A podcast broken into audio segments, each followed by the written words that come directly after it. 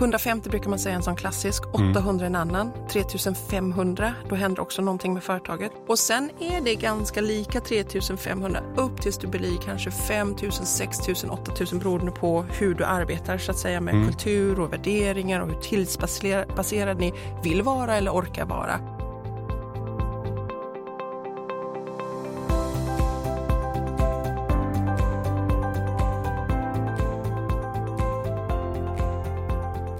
Välkommen till ett eh, nytt avsnitt av Konkurrenskraft. Podden där vi pratar om framtidens beslutsfattande, verksamhetsstyrning och ledarskap. Jag som pratar heter som vanligt Robin Askelöv och är CMO på Hypegene som ger ut den här podden.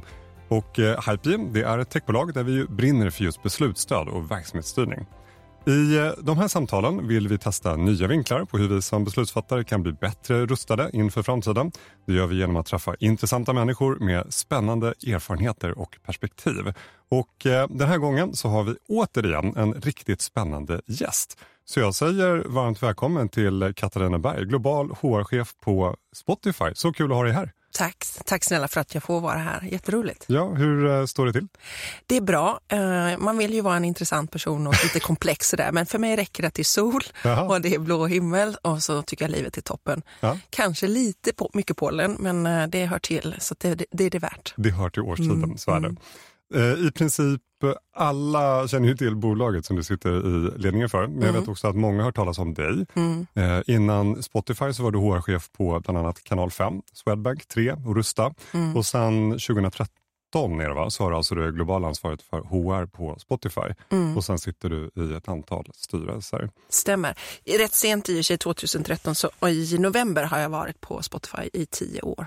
Ah, Känns, okej, ju, okej. känns ju galet att tänka på. Men Ja, ja. kanske företaget har förändrats minst ordentligt fyra gånger under den tiden. Så Det lite har ja. hänt ganska mycket. Ja, det har det gjort. Men bråda dagar misstänker jag då. Hur, hur ser en vanlig dag ut för dig? En vanlig dag, och jag tror att det är därför eh, är en anledning varför jag är kvar fortfarande, en vanlig dag finns inte riktigt. Man kan väl kanske ha ambitionen på väg in till jobbet någonstans i världen. Vi har 45 kontor eh, som täcker 184 marknader. Så att jag reser rätt mycket eh, och försöker besöka våra medarbetare och få en bättre koll på hur marknaderna ser ut och vad vi har för olika förutsättningar och hur konkurrensen och, och, och, och hur talang och så vidare ser ut eh, just på den marknaden. Men en vanlig dag, jag, jag har en idé när jag kommer in att så här, det här ska hända. Och så blir det nästan aldrig så. Okej. Eh, det, men det finns några, det finns några liksom, eh, punkter kan man säga under veckan. Eh, vi eh, jobbar mycket med 1-1, alltså vi stämmer av just för att världen är så förändlig. Mycket går väldigt fort. Så på en normal vecka skulle jag säga att jag träffar alla mina direktrapporterande eh, och går oftast då. Jag gör mina walks and talks. Jag tror Okej. att det är bra. Man tänker friare och det är, Ja. det är ganska ointressant vem som är vem i själva samtalet när man är ute och går. Eh, jag tycker också att det är ett bra sätt att öva minnet. Ehm, för det som var viktigt under samtalet är det som liksom eh, ligger kvar när man kommer in och ska börja göra saker. Mm. Eh, Jag har möten med övriga i ledningsgruppen ehm, också under den typen av ganska avslappnade former. Och sen är det några andra lite större möten som ligger.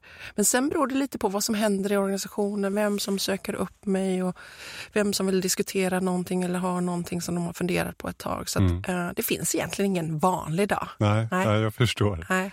Vi, eh, vi kommer att prata om jättemycket eh, idag. Jag sa det till dig innan vi satte igång att jag, jag har sannolikt alldeles för många frågor så jag får välja lite eh, längs vägen här. Vi kommer att prata om tillväxt naturligtvis, eh, förändring, företagskultur. Eh, jag tänker också att vi ska prata om mod, Mm, eh, apropå en ny bok som du och flera av dina medarbetare har kommit ut med. mm. Låter det rimligt som en plan? Det låter som en härlig plan Ja, ja, vad härligt. Och eh, jag tänker att vi kör igång med några snabba frågor som vi kör till alla gäster. Mm. Eh, tre frågor med tre lite snabba svar och sen så drar vi igång intervjun, Det gör vi. eller samtalet. Men du, så jag tänkte jag börjar med att fråga, när har du som roligast på jobbet? På jobbet har jag som roligast när jag är faktiskt med mitt team. Eh, Jag tycker att de är fantastiska och de får mig att skratta mycket. Och jag, jag tror att vi delar humor. Vi är olika personligheter men vi delar humor. Så jag skulle Mm. säga mitt närmsta team har jag som roligast på jobbet med. Och eh, om man tittar i gångna året, vad, vad är du mest stolt över? Men det tror jag är vårt återtåg efter pandemin. Eh, att försöka hitta en lösning för de olika valen och de olika grupperna och de olika medarbetare vi har. Mm. Vi lanserar i någonting vi kallar från Work from Anywhere. Um, och eh, det, det, skapar såklart en del utmaningar. Du behöver tänka på massa saker. De som har valt en home mix och för de som har valt en office mix och de som kanske har någonting mitt emellan och, och väljer att jobba för att de får en kortare så att säga, transportsträcka så de kanske är på något coworking space hur ser det ut och hur ska de ha en säkrad arbetsmiljö och hur ska de fortfarande känna att de har en tillhörighet och att de är en del av, av, av bandet. Vi pratar oftast att vi, är, vi ser företaget som ett band och det kanske ja, musikassociationen är inte så, så långt borta. Så många av de sakerna, det tyckte jag, tycker jag att, att vi har varit bra. Vi har legat väldigt nära i, och, i ständig dialog och lyssnat in vad medarbetarna känner fungerar, fungerar mindre bra, vad de vill ha kvar, mm. eh, vad de vill att vi ska sluta göra och så vidare. Så det är ju små itereringar och det är jag stolt över. Jag tycker att det har varit bra och mycket att vi har fokuserat på den mentala hälsan. Mm. Ehm, för att, eh, man kan ju bestämma sig för att man vill jobba hemma. Och sen så kommer man på att jag känner mig också ensam och då kan man ju tycka att det enkla svaret är att kom in till jobbet. Då. Men, men man måste respektera, vi är olika människor och, och, det kan vara så att man har andra vinningar. Det kan ju vara faktiskt så att man kämpar med några saker som är jobbiga i livet och då fungerar en hemmamix bättre. Mm. Men man känner fortfarande att det där att komma in och träffa på folk och deras spontana så här, interaktiviteten och energin som kommer när man tittar en annan människa i ögonen. Men för många så kan det också vara att, att det är eh, till och med ångestframkallande. Så att försöka ligga nära men också eh, vad som fungerar både för individen och företaget. Det tycker mm, jag vi har jag gjort bra. Det är spännande. Eh, jag menar, vi på, på vårt företag vi jobbar med de här frågorna precis som alla andra i hela världen. Så mm. det blir att man följer det som skrivs om det. Och jag har ju bara sett att ni på Spotify, ni har ju alltid legat tidigt och ni mm. har stått väldigt tydligt för ert sätt att, att hantera hela vägen från att pandemin kom till hur ni nu jobbar efter. Så det är väldigt intressant och också att läsa om det i, i boken tycker jag. Mm. Med, med det här distribuerade arbetssättet och sådär. Du, och, och, lite på samma tema, du jobbar ju mycket med att inspirera andra. Du är väldigt transparent och sprider mycket av det sättet ni jobbar på på Spotify. Hur får du själv inspiration? Nej, men jag har tur att arbeta med många inspirerande människor, uh, inklusive min chef faktiskt, som jag tycker både utmanar och ligger i framkant när det gäller många saker, inte bara produkt som man kanske skulle kunna tänka sig eller, eller det som kanske är hans forte från början. Ehm, jag tycker också att jag har förmånen att träffa eh, andra personer i mitt skrå, eh, internationellt eller globalt. Eh, jag är inte en särskilt läsande person, lite roligt att du nämner att precis har släppt en bok, men, men jag är, inte, jag är mm. ganska gravt dyslektisk, så jag är inte en läsande person. Så jag får ofta säga vilka böcker läser du och mm. vilka rapporter läser du? Eh, men däremot så tycker jag att jag tänker ganska bra när jag skriver. Det kanske är också motsats eh. Men, men jag får inspiration av människor och möten med människor. Ehm, och jag tror att det också, jag sa en första del varför man är kvar tio år, men den andra som jag tror är huvudsaklig och som många av oss vittnar om. Att få arbeta med några av de smartaste människorna och lära sig något nytt varje dag, det är en förmån och den, den, den ska man påminna sig om, inte ta för givet. Och, och så tycker jag att det är väldigt mycket på Spotify. Jag tänker att vi drar igång med alla mina frågor som mm. jag har här. Eh, bara för att börja någonstans, alltså, de allra flesta känner ju till Spotify. Så. Mm. Men om du skulle köra hisspitchen eh, för att beskriva företaget, hur skulle det låta när du kör den?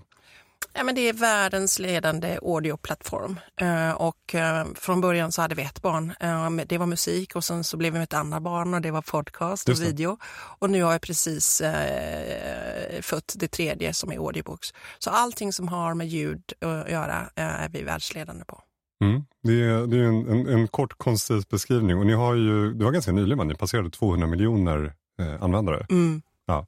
Nej, det, det växer ju minst sagt. Eh, men, men det här med att ni växer så mycket, mm. eh, det gör ju också att ni såklart växer med antal anställda, mm. eh, historiskt väldigt mycket. Vad skulle du säga är nycklarna till, till den framgången, att ni har kunnat växa i den takten som ni har gjort? Men jag tror att det är tre saker, det är säkert fler saker, men det är en sak det är att man haft en förståelse tror jag, från ledning från början vad det innebär, de här olika så att säga, etapperna av, av växtverk. Att, att förstå och ligga före hela tiden och ändra organisationsformen eh, till liksom nästa fas. Att startup-delen, det kräver någonting eh, och scale-up-delen och kanske att man har minst två faser i scale-up. Och sen när man börjar bli lite mer moget, hur ska, att det finns liksom en, en spelfilosofi om hur ska det då se ut. Mm. Och, ibland, och då måste man ligga lite före kanske gemene man eller hela företaget men man måste också klara av att förklara vad är det vi gör och mycket av det som vi älskade kanske när vi var startup kommer inte riktigt fungera när vi nu är scale-up och så vidare. Så lite det här att vara väldigt kommunikativa, väldigt informativa och ganska öppna och transparenta till hela företaget, inte till några människor eller till ledningen. Det tror jag har varit vår melodi, att, att liksom hit, rehit, remind on och, och, och vara öppna för alla. Mm. Um, det, det, är den ena biten. Den andra är ju att, att man lyckas att, att uh, attrahera de personerna som är rätt. Det behöver inte alltid vara de som kanske hade de bästa betygen utan vad har varit rätt för oss? Mm. Eh, och relevant för oss i kompetenser och, och, skills. Det pratas mycket om skills och upskills men, men för oss har det också varit så här hela tiden hur klär vi på de människorna som kommer in så att de också är relevanta i nästa fas. Eh, sen får vi ha förståelse och respekt för att alla, en del vill bara vara i startups så när man börjar gå in i scale-up så, så, söker de sig någon annanstans. Men de som vill vara med om hela resan, hur klär vi på dem i, i form av kompetenser? Och erbjuda väldigt mycket on the job training och se till att alla är liksom anställningsbara internt men mm. också externt när de lämnar och ta det ansvaret och se att det är viktigt att alla på Spotify lär sig fortare än världen förändrar och att det inte är en kostnad utan att det är en investering. Um, det är den andra biten. Och sen det tredje är ju att du måste ha en, en rekryteringsavdelning eller talent acquisition avdelning som klarar av att göra det där. Jag började på Spotify när vi var 800 anställda och vi är närmare 10 000 nu. Mm, det är lite skillnad. Och bara i Sverige så har vi skapat 1900 eh, liksom, arbetstillfällen. Mm. Och det är ju det kan man tycka om man jämför med de här stora dagarna. Eh, men vad vi har sett är väl snarare att, att de har behövt liksom krympa och, inte, och även i högkonjunktur. Så att, eh, jag tror att många av de här techbolagen fyller en jätteviktig funktion och fyller en funktion som arbetsgivare också. Men att vi kanske har ett nytt sätt att tänka väldigt mycket när det gäller Eh, hur gör man de här skal, eh, skal, skalningsresorna? Men sen tror jag en grundläggande filosofi för det sista är det här att, att om man verkligen tror på att när individen växer så växer företaget och när mm. individen mår bra och utvecklas så mår företaget bra och utvecklas. Så mm. Det tror jag vi haft med oss eh, från början. Jag tycker det var intressant, du nämnde ju i början eh, det här med växtverk. Mm. Eh, och det, det, finns väl någon socialpsykologisk teori, tror jag det är, som säger att i princip alla organisationer, när man passerar 150 personer, då inträffar växtverk, eh, för då kommer man till någon gräns. Sådär. Och du nämnde lite andra trösklar när man går från startup till scale-up och så vidare. Mm. Finns det några sådana fler trösklar som ni har ja. känt att här har ni gått in i, i faser av växtverk? Ja, men det är så klassiskt och, och, och, vi som kanske både jobbar eh, och utbildar och arbetar med organisationsdesign men, men också precis som den där boken. 150 brukar man säga en sån klassisk, 800 mm. en annan, 3500 då händer också någonting med företaget. Okej, vad intressant. Det har jag inte ehm, hört. Och sen är det ganska lika 3500 upp tills du blir kanske 5 000, 6 000, 8 000 beroende på hur du arbetar så att säga med mm. kultur och värderingar och hur tillitsbaserad ni vill vara eller orkar vara mm. och vilken ledarskapsfilosofi. Men det finns några sådana väldigt tydliga och de kommer mer när man är, är, är små. Eh, och sen är det ju det här att när du är väldigt få, då måste alla vara med på allting och då kan man tycka att det kan vara jobbigt. Men oftast den personligheten, det är ju att det, man vill vara med och bestämma vilken färg det ska vara på stolarna. Men helt plötsligt när det börjar bli stort, då, då, då är det ju inte det att man blir så här äh, korporativ eller man blir så här storbolags, utan det blir mer effektivt att det kanske finns en inköpsavdelning och så vidare. Och då tror jag att en del saknar det. Mm. Och då tror jag man också behöver vara väldigt, väldigt tydlig, eller för oss har det i alla fall fungerat, att säga så här att vi kommer ju aldrig gå tillbaka. Eh, det är ingen av oss som vet hur framtiden ser ut utan vi kommer ju gå framåt, vi kommer titta framåt. Så om det är så att du vill tillbaks till någonting som är 18 människor eller 25 människor eller 150 människor, då är vi tyvärr inte rätt för dig. Utan, eh, för det, dit kommer vi aldrig gå. Mm. Sen vet vi inte om vi kommer bli 10 000, 20 000 eller 30 000 eller 8 000 för den delen också. Så att, eh, det tror jag, att försöka vara ärlig med det man vet, vara ärlig med det man inte vet. Uh, försöka också sprida all den informationen. Jag tror att Nietzsche hade rätt om många saker men en sak som är helt övertygad, uh, han säger att du behöver liksom inte vara, du behöver inte gilla alla beslut som mm. medarbetare, mm. inte som chef heller, men du måste förstå dem. Och därför har vi jobbat väldigt mycket med information. Um, och framförallt om förändring ska ske för ett team, att de som då blir berörda, att det är de som liksom in, eh, får mer information och att vi mm, lyssnar på mm. vad de gör. Och det betyder ju inte alltid att pratar du med 10 000 så har inte alla samma åsikt. Så att alla kommer inte få som de vill. Men vi tror det är viktigt med den där eh, grundläggande respekten. Att mm. ha en dialog, lyssna, mm, fundera lite och mm. reflektera vad det var som sades och sen kanske tweaka eller iterera eller ändra enligt ny information. Mm. Ja, men jätteintressant. Jag tänker också, apropå det du också var inne på, det här med att gå framåt och gå bakåt och vilka som berörs och så vidare. För, för ni har ju, precis som egentligen alla de här stora techbolagen, globala techbolagen, så har ju ni valt också att, att backa lite. Ni har ju de senaste månaderna minskat kostnaderna en smula. Det mm. har varit några som har fått gå. Hur har det påverkat bolaget? Men det är ju svåra beslut eh, och de tas ju inte lätt och det ska de inte göra. Det är människors liksom, eh, inkomst och det, det, är deras verk och, och, och, och, det är deras vänner också och kollegor. Så att, eh, det stämmer ju att vi, vi hamnade i samma situation som många andra. Och när då beslutet tas som ett 100% affärsbeslut så för oss var det ju tre saker som hände samtidigt. Ett, vi hade tre affärsenheter, heter det väl om jag försöker översätta till svenska, tre affärsenheter som skulle bli två. Så det, eh, vid den omorganisationen så blev, var det ganska tydligt att det fanns några dubbletter och några tripletter av duktiga människor och, och med roller som fortfarande behövdes. Men vi behövde inte tre. Så, så nu, sen vad blir det nu, 23 januari i år så har vi två affärsenheter istället för tre. Så det påverkade att vi drog ner lite grann och eh, ja, lite, li, knappt 1 procent av medarbetarna i Sverige. Så jag tror att det var 100 personer vi pratade med. Mm. Uh, och, och det påverkar såklart för att det, för det första, vi har funnits i 17 år och vi har aldrig behövt göra på det sättet innan utan det har ju varit, inte tillväxt, det har varit hypertillväxt. Mm. Och uh, vi har anställt någonstans mellan 1000 till 4000 per år uh, och sen helt plötsligt så så, så, så släppte vi foten från gasen eh, och vi kommer fortsätta behöva anställa. Och det var någon som sa så här, har ni slutat anställa helt? Nej, det finns ju yrken som aldrig har funnits innan och kompetenser som aldrig funnits innan och de behöver vi fortfarande och, och vi går in i nya marknader fortsatt. Eh, så att vi, det är ju ett både och-läge.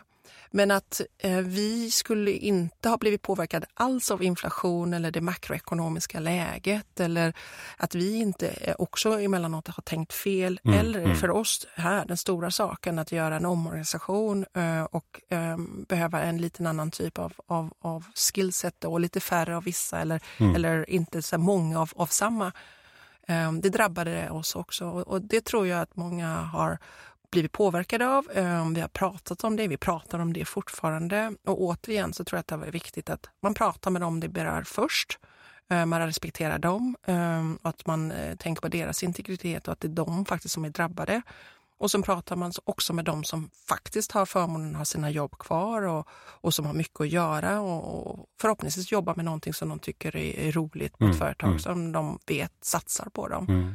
Men ibland är det ju så, man behöver ju backa ibland för att kunna gå framåt. Så är det. Men, men jag, tänker, alltså, jag misstänker i alla fall att, att era strukturer är ju ganska satta för eh, skalbarhet och, och tillväxt.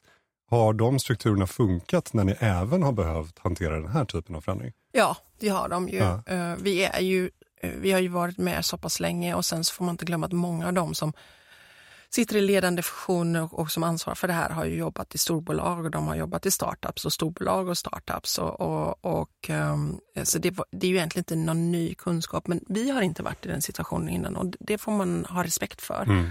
Och um, kan man göra saker bättre? Alltid. Både i tillväxt men också uh, i, i tillfällig så att säga uh, uh, right sizing.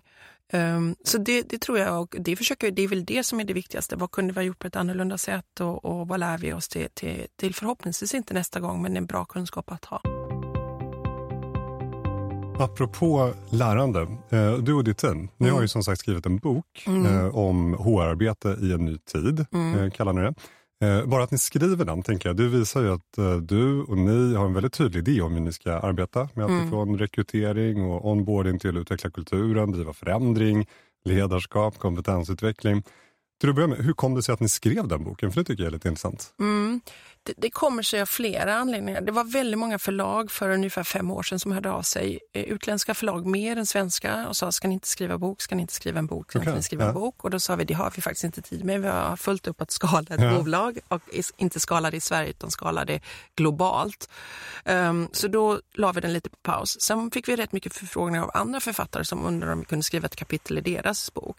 Och då tror jag att jag hade en diskussion med min chef och så sa vi så här, men alltså, vi ska väl kanske skriva den själva om den ska skrivas. Mm. Eh, och sen kom faktiskt en annan tanke och den smög sig på mer och mer eh, eh, där jag funderar på när jag träffar studenter som läser. Eh, jag läste någonting som heter P-linjen och det heter POW-programmet idag. Och så insåg jag att rätt mycket av deras kurslitteratur är samma som jag läste. Mm -hmm. och, och, utan att vi ska gå in på matematik här, men det, det, jag, jag tror att jag tog ut min examen för över 30 år sedan. Och det har hänt rätt mycket i svenskt näringsliv, men också tänker jag eh, i, i, i, den publika sektorn, eh, statligt och kommunalt. Mm. Hur vi tänker på de här sakerna som jag tror är viktiga för att kunna attrahera människor och utveckla människor och behålla dem. För att det är ju, om vi ska prata pengar, det är rätt dyrt att hitta nya Eh, vi pratar ofta om det när det gäller kunder. Det är dyrt att hitta nya kunder, bättre att behålla de man har. Och det är samma sak när det gäller medarbetare. Mm. Vi lägger ju otroligt mycket pengar på eh, liksom tesen utan spaning ingen aning. Jag har ett stort TA-team eh, som, som letar efter talang hela tiden, eh, liksom 24-7. Um, ehm, och sen så ska det intervjuas och det betyder att rätt många chefer ska liksom ta tid och, att sitta och prata med människor. Sen ska vi, on, eh, sen ska vi signa de här personerna och sen så ska vi onboarda dem och sen börjar de liksom bli verksamma. Kan vi behålla dem vi har? Och då har vi jobbat på ett sätt eh, där det har varit viktigt för oss eh, och vi har trott att det är smart också. Och eh, att vara antingen human first eller people first beroende på vad man vill kalla det. Mm. Och då, de här tre sakerna, okej, okay, det, det, verkar vara så att eh, ett, folk eh, vill att vi skriver den här boken. Två, vi tror på open source, att dela med sig eh, faktiskt om the good and the bad och, samt, eh, mm, och mm. också the ugly. Ja, för boken är väldigt transparent. Ja. Jag tycker den är superintressant. Ja, vad roligt att du säger det.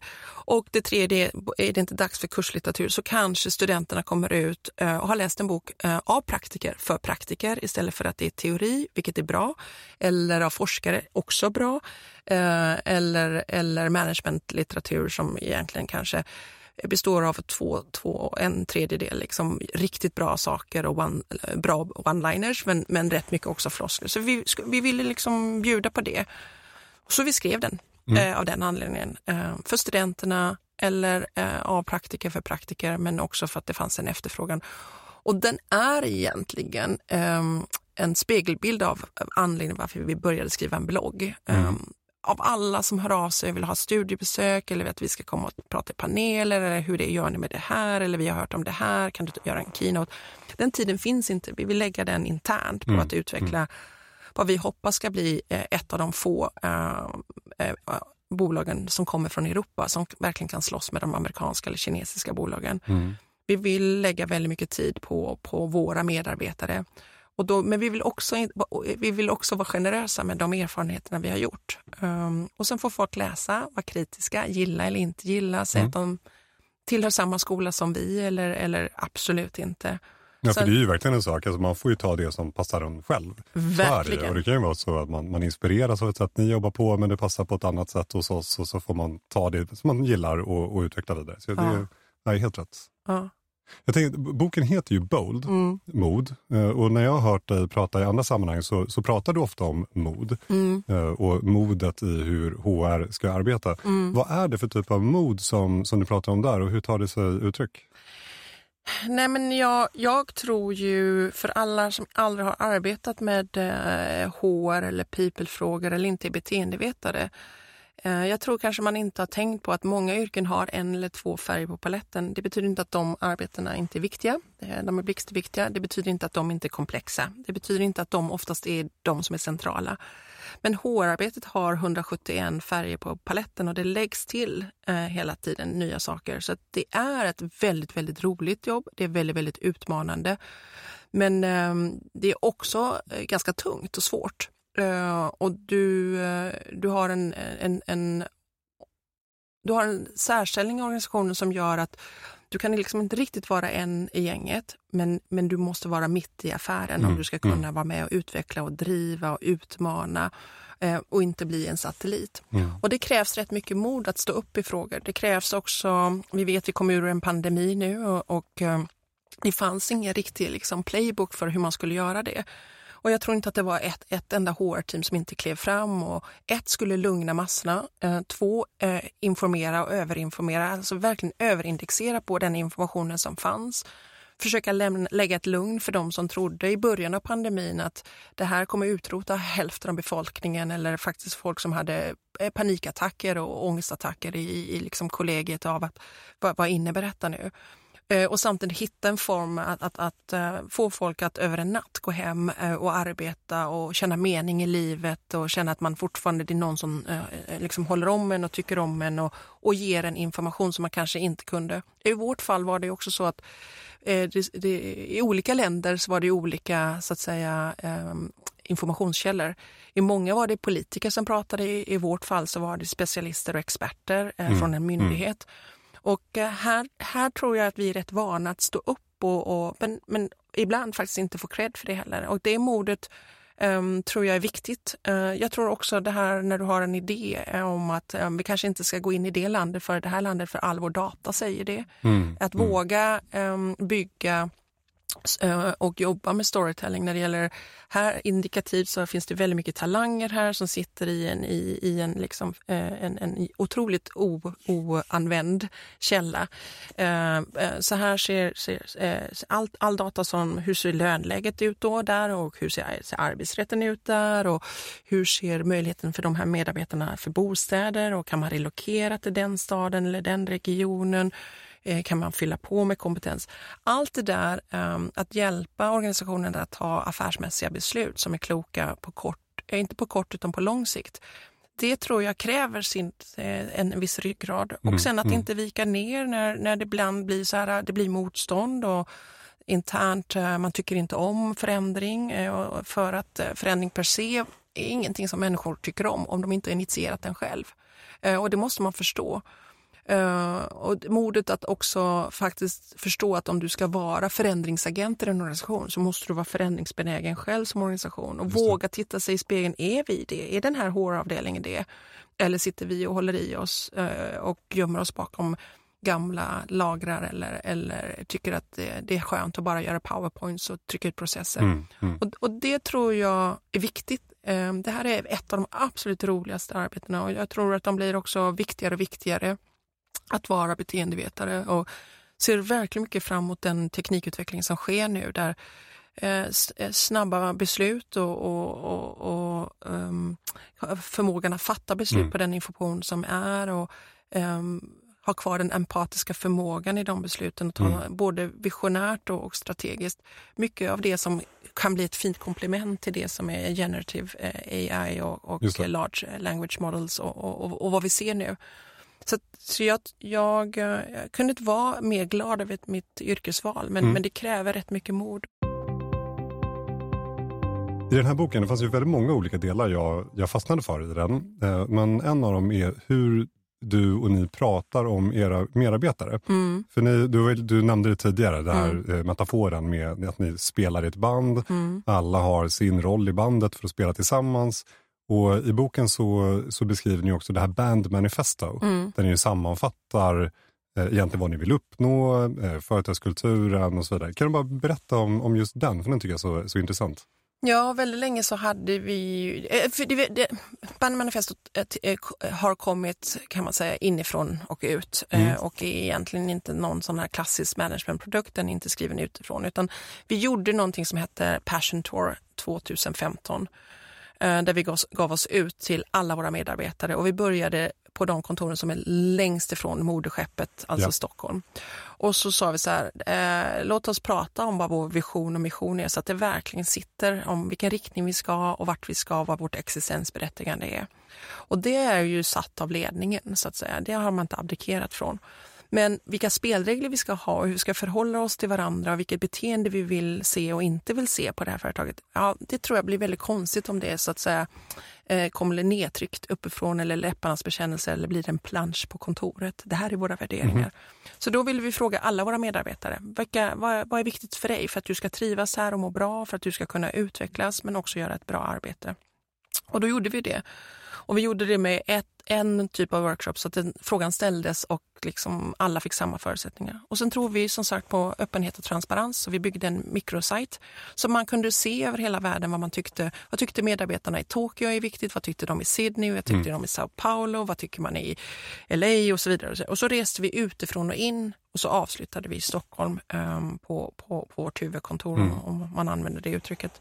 Um, och eh, då blev det ju inte tre eh, värderingar utan det blev, eh, om jag minns rätt, så hade vi 95 och det kan man ju Kul. inte ha. Ja.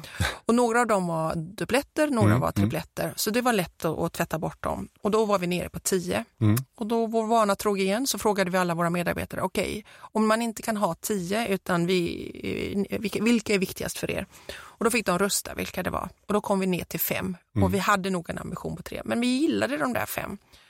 Och då brukar det bli så här på de flesta företag där man vågar släppa det där ut till medarbetarna att eh, ja, ja, men vilket företag är, vill inte vara kollaborativt och så vidare. Och då frågade vi igen på samma eh, mikrosajt, okej, okay, vad är definitionen här på Spotify? Vad är liksom samarbetsvilja om jag ska översätta det? Då? Um, eh, eller hur samarbetar vi på Spotify? Och så, så definierade vi ihop det. Eh, så knådade ihop det och kom fram till vad, vad är det? Och 2015 kom vi fram till de här eh, värderingarna och eh, samtidigt så kom vi också fram då efter det arbetet tillsammans med hela organisationen om vilka de är. Och sen har vi ju anställt mycket människor efter det så då är det viktigt att vi provtrycker dem så att de fortfarande är, det ska ju spänna bågen och alla kanske inte kan leva alla värderingar i alla sekunder varje dag varje år.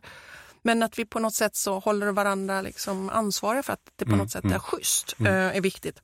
Så när vi har våra introdays, när vi flyger in våra nyanställda till, till, till Stockholm och, och så de får, får se Sverige, för det är ändå ett svenskt företag grundat av två svenskar spendera tid med, med, med Daniel och Martin och andra personer och inte bara ledning utan centrala personer där vi förklarar verksamheten och vad vår kultur är och att vi kulturvaccinerar alla människor i stort sett som, som börjar hos oss.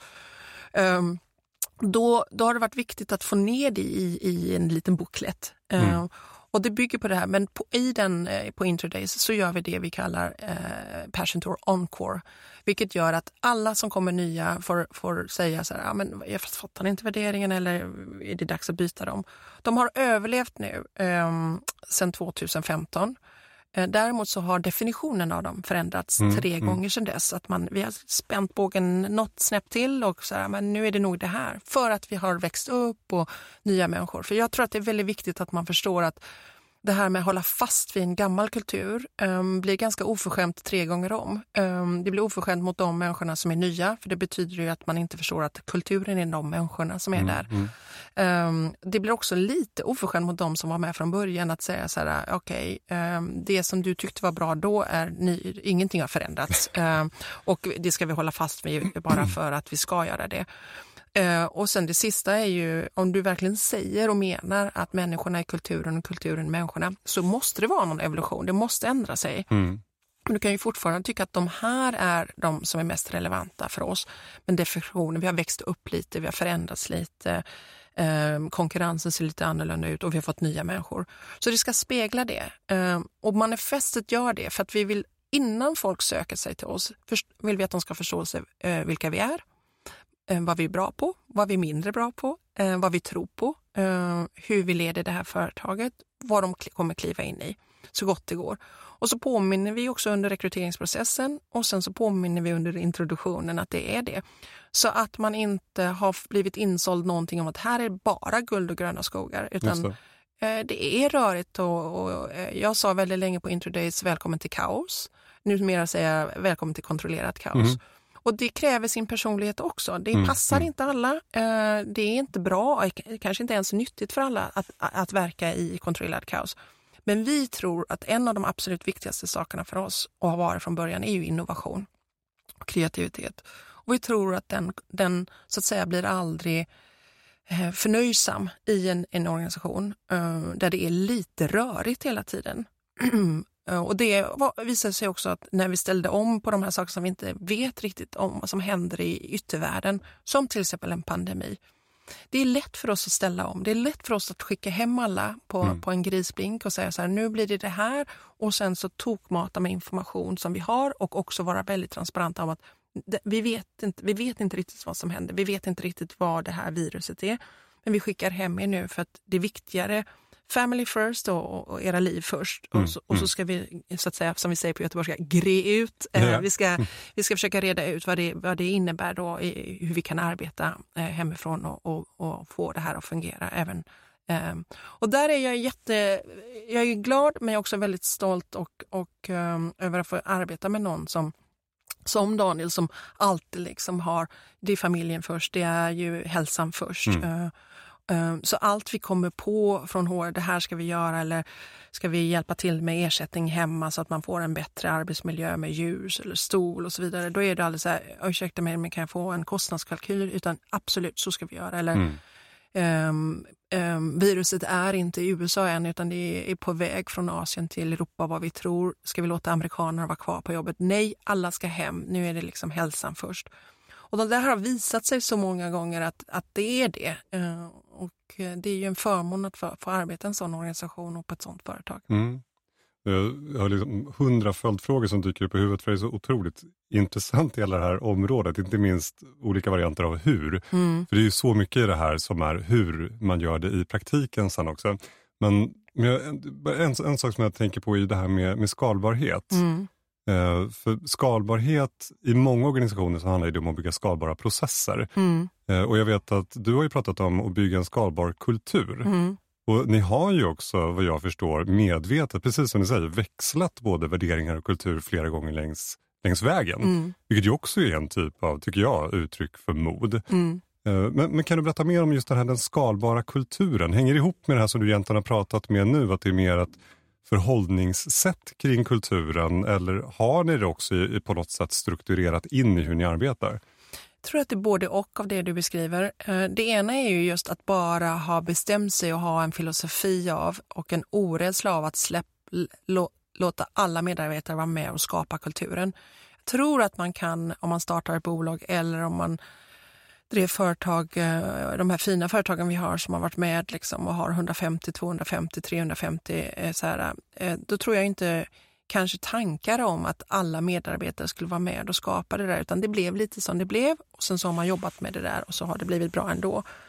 Vi har ju ändå förmånen, några av de här lite yngre bolagen, att man kanske har tänkt på de här sakerna och beteendevetenskap kanske har legat lite längre liksom, eh, närmare beslutsfattandet och, och att man tror på att man kan vara otroligt framgångsrik eller framförallt man kanske kan bli ännu mer framgångsrik om man tar hand om sin personal samtidigt som man försöker så att säga vinna inom det området som, som, som, som man då har sin affärsverksamhet inom. Och, och, det är en övertygelse. Och den här, uh, hur skalar man kultur? Jag tror att det kommer med den här idén att man förstår att kulturen kommer förändras och ska förändras. Mm. Uh, lite som den här boken uh, Man to Mice, alltså när han tycker om sina små möss så mycket så att han kramar sönder dem. Mm. Mm. Så tror jag ju, och det har jag sett uh, också organisationer som är så här, men vår kultur är så himla stark. Det här tror jag, är, är, ordet betyder någonting och är viktiga. Jag tror att du vill ha rätt och relevant kultur Ja, för varje fas. Att den är stark betyder inte stark, att den är rätt nej, för, för det du stark behöver. kultur kan ju vara fruktansvärt toxic. Ja, um, och då är det svårt att bryta den. Men jag hör många, många företag som säger vi har en stark kultur eller um, så tacksam för våra starka kultur. Det tror jag nästan är, är tvärtom för en person som ser sig som kulturarbetare först och främst. Men jag tror att du ska ha relevant kultur och rätt kultur för varje fas. Mm. Och att du vågar igen med förändring tala om för dem som är förtjusta i den här fasen Mm, det kan vi bara ha kvar om vi inte växer alls. Och växer vi inte så kan det få andra konsekvenser. Men då måste du också ha en buy-in från människorna att de förstår vilken fas vi är i ja. också. Så att alla har en gemensam syn, antar jag, på vilken fas man är. Ja men så är det och där, där tror jag det här kommer, eh, den här kommunikationen att vi har town halls eh, med, med en återkommande frekvens. Vi har unplugged med Daniel, What's on my mind, där man kan få ställa frågor direkt till vår grundare mm, och, mm. och vd.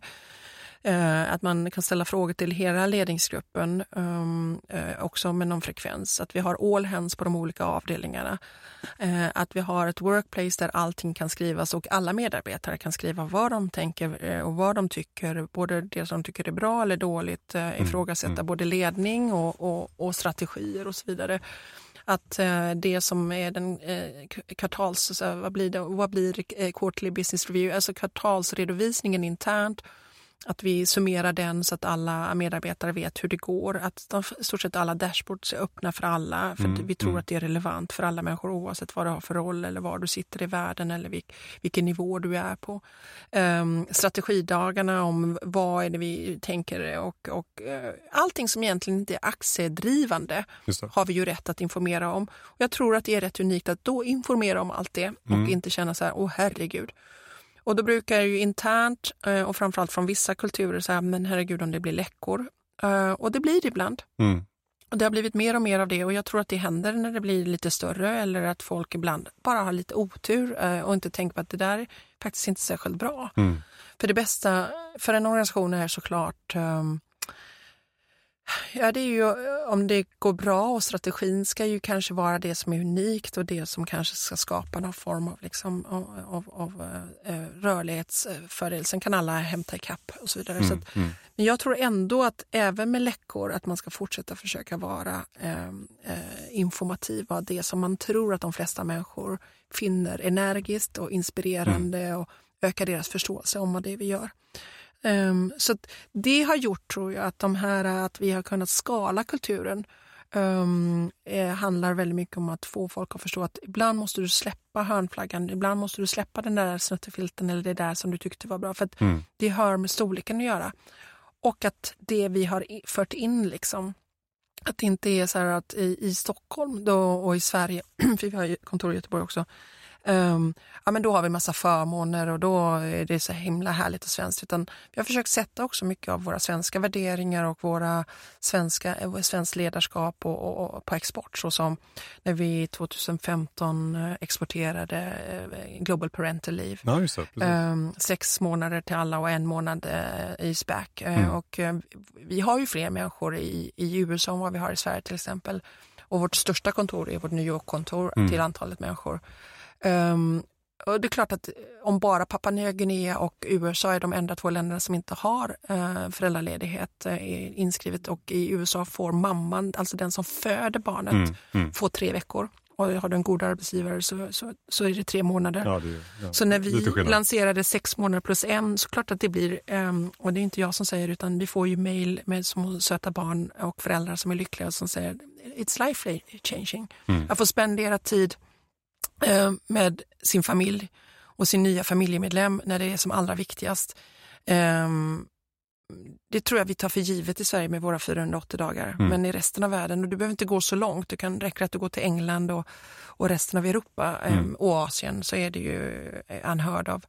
Och det har varit viktigt för oss att både sätta Sverige på kartan men göra det på vårt sätt mm. med de saker som vi har är övertygade om. Men det som vi ibland glömmer av i Sverige, att vi gör fantastiskt bra. Mm. Och också vårt ledarskap. Jag tror det här med att vara informativ och eh, dela med sig och så vidare och, och uh, göra saker tillsammans. Uh, det, är ju, det, är ju det är ju vi pratar väldigt mycket om det nya, så att tech-undret, men titta på de här fina företagen som Volvo, Scania och Ericsson och Ikea och Electrolux och, mm, och, mm. och Husqvarna. Det är ju bara, listan bara fortsätter och vi är ett, vi är ett land av 10 miljoner. Mm. Eller hur mycket medaljer vi tar i OS och ja, VM. Ja, det ska ju egentligen vara fullständigt omöjligt. Mm. Och så har du de nya företagen. Um, så att, um, ja, men jag, jag, tror det finns mycket som går att skala och det visar sig att vi kan skala det. Mm. Just för att det finns någonting som jag tror är liksom ett, ett svenskt sätt att, uh, att arbeta på. Um, och där, att våga vara tillitsbaserade mm, är en sån mm. sak. Att våga vara värderingsstyrda är en annan sån sak. Um, och sen att, att ledarskapet är mycket mer inkluderande. Uh, um, och vi har fått, tror jag, oförtjänt kritik både av oss själva men också ut, att, vi, att det är mycket konsensus. Um, men jag tror att om man förankrar mycket först så kan man också sen agera mycket snabbare. Mm. Ehm, och det fungerar i alla fall för oss och det verkar fungera för många andra svenska bolag. Du, en, en till sak här som jag funderar på, det, det gäller ju det här med chefskap och ledarskap och du, du nämner det ju själv också. Men väldigt mycket av det du pratar om nu förutsätter ju också att man verkligen har tänkt till kring vad det är för ledare och chefer man har i sin organisation och hur de köper in på och verkligen tar vidare allt det här som som du pratar om som viktigt i hur man, man driver och utvecklar organisationen. Och I den här Band Manifesto som vi har pratat om, där finns ju också det som ni kallar för eh, Manager Manifesto, eh, som ju handlar också om hur, hur ledarskapet på Spotify ska funka. Kan du bara berätta mer om det här? För jag, för jag tycker att det där är jätteintressant. Det är det. Vi, rätt eller fel, men vi har ju bestämt att våra chefer är vår dynamo eh, jättemycket. Ja. Och eh, som en del, som du säger, i bandmanifesto så har vi någonting som är manager manifesto. Och det är ingenting heller som är bara våra chefer vet, utan alla våra medarbetare vet vad det är. Och mm. det är lite som ett management SLA. Och vad menar jag med det?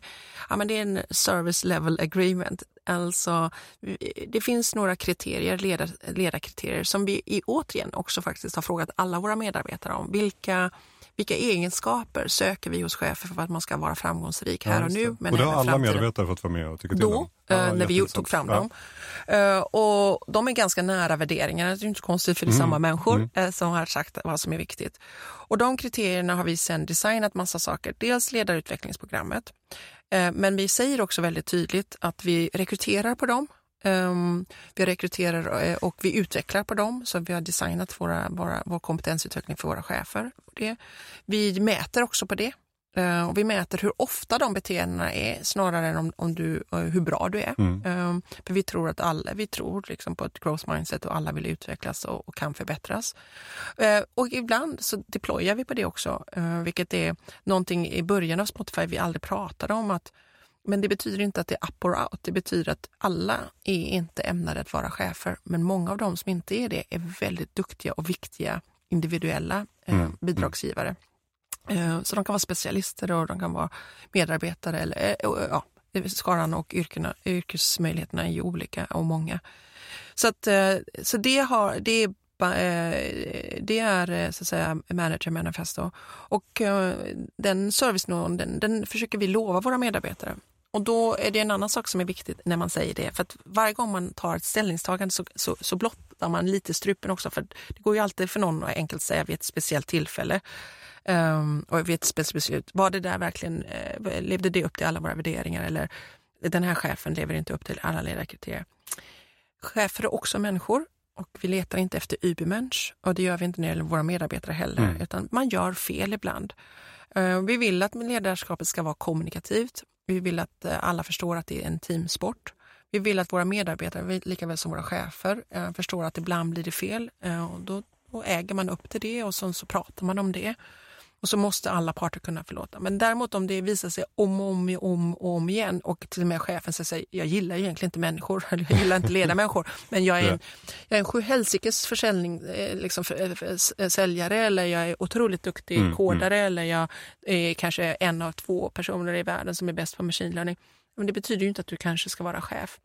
Då åderlåter man ju organisationen gånger två om man mm, mm. tar bort någon från någonting som de är unikt duktiga på och så låter man henne, honom eller den eh, göra saker som de inte alls tycker om.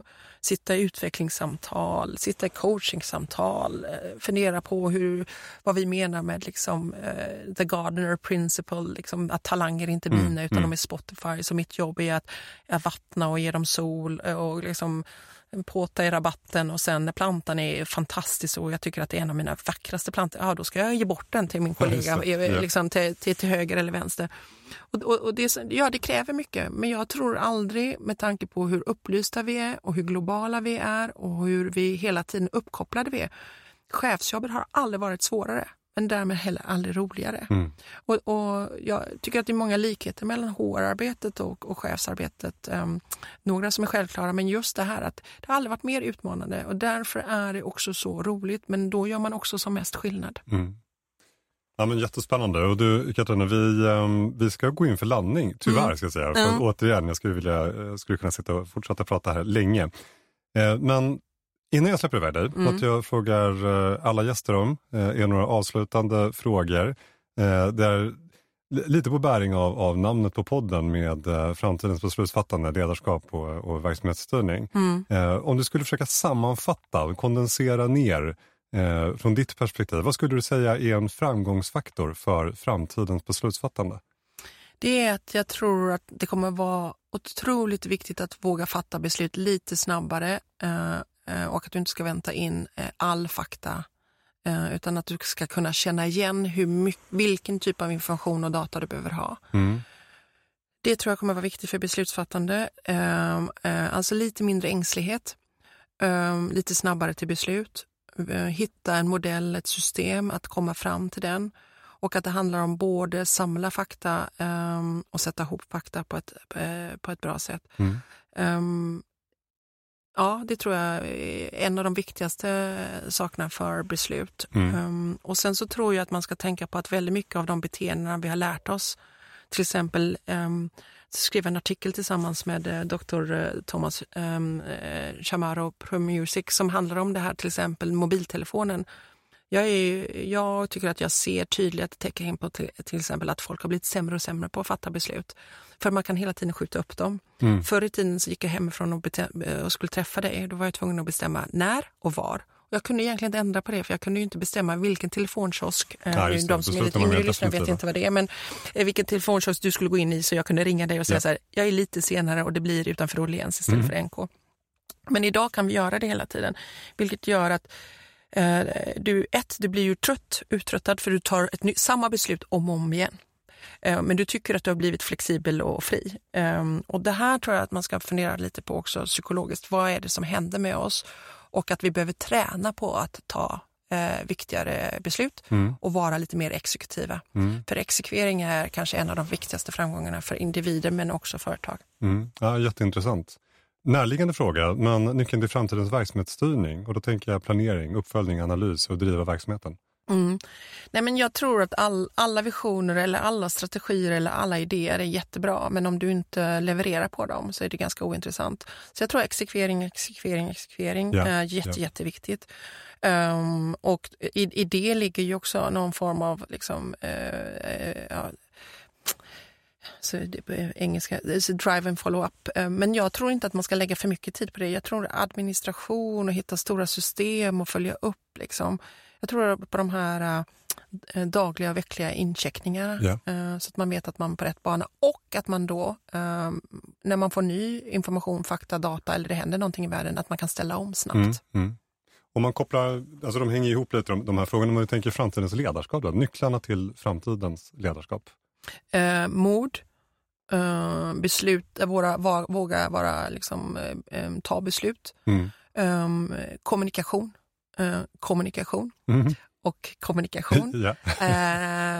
Det tror jag. Och sen så tror jag, du måste som alltid, kommer det vara, alltid kommer vara viktigt, eh, du måste vara någon form av liksom, förebild. Um, fundera lite på det där att när du går ut på den där, tackar jag till det jobbet så går du ut på en scen och, och folk kommer se vad du gör på den. Uh, och um, folk har sagt det här i hundra år nu. Dina medarbetare och organisationen kommer se vad du gör, inte vad du säger. Um, och så, viktigt, så tror jag att det kommer vara även i framtiden. Mm. Men man måste hitta nya former för att alla kommer inte vara på din avdelning bredvid dig, på ditt kontor. Um, så du måste hitta det där uh, sättet att, att då prata med människor och lyssna till människor mm. uh, på ett nytt sätt. Mm. Katarina Berg, eh, det har varit otroligt intressant att få ta del av den, alla dina tankar. Jättetack för att du kom hit. Ja, men det var jätteroligt och det var roligt att prata med dig också. Så ja, tack kul. för att jag fick komma.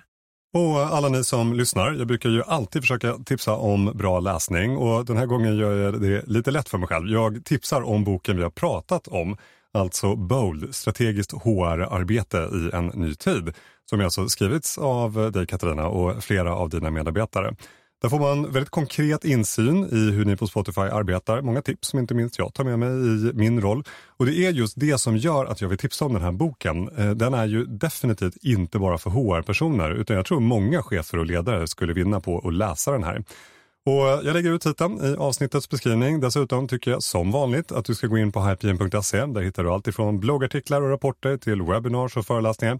Allt kretsar kring beslutsstöd och verksamhetsstyrning som alltså är det som vi och vår produkt handlar om. Och slutligen, glöm inte att prenumerera. Många spännande gäster även framåt. Och med det så tackar vi för idag. Säger på återhörande. Tack för att du lyssnat. Fantastiskt roligt att få låna en stund av din tid och eh, ha en riktigt bra dag.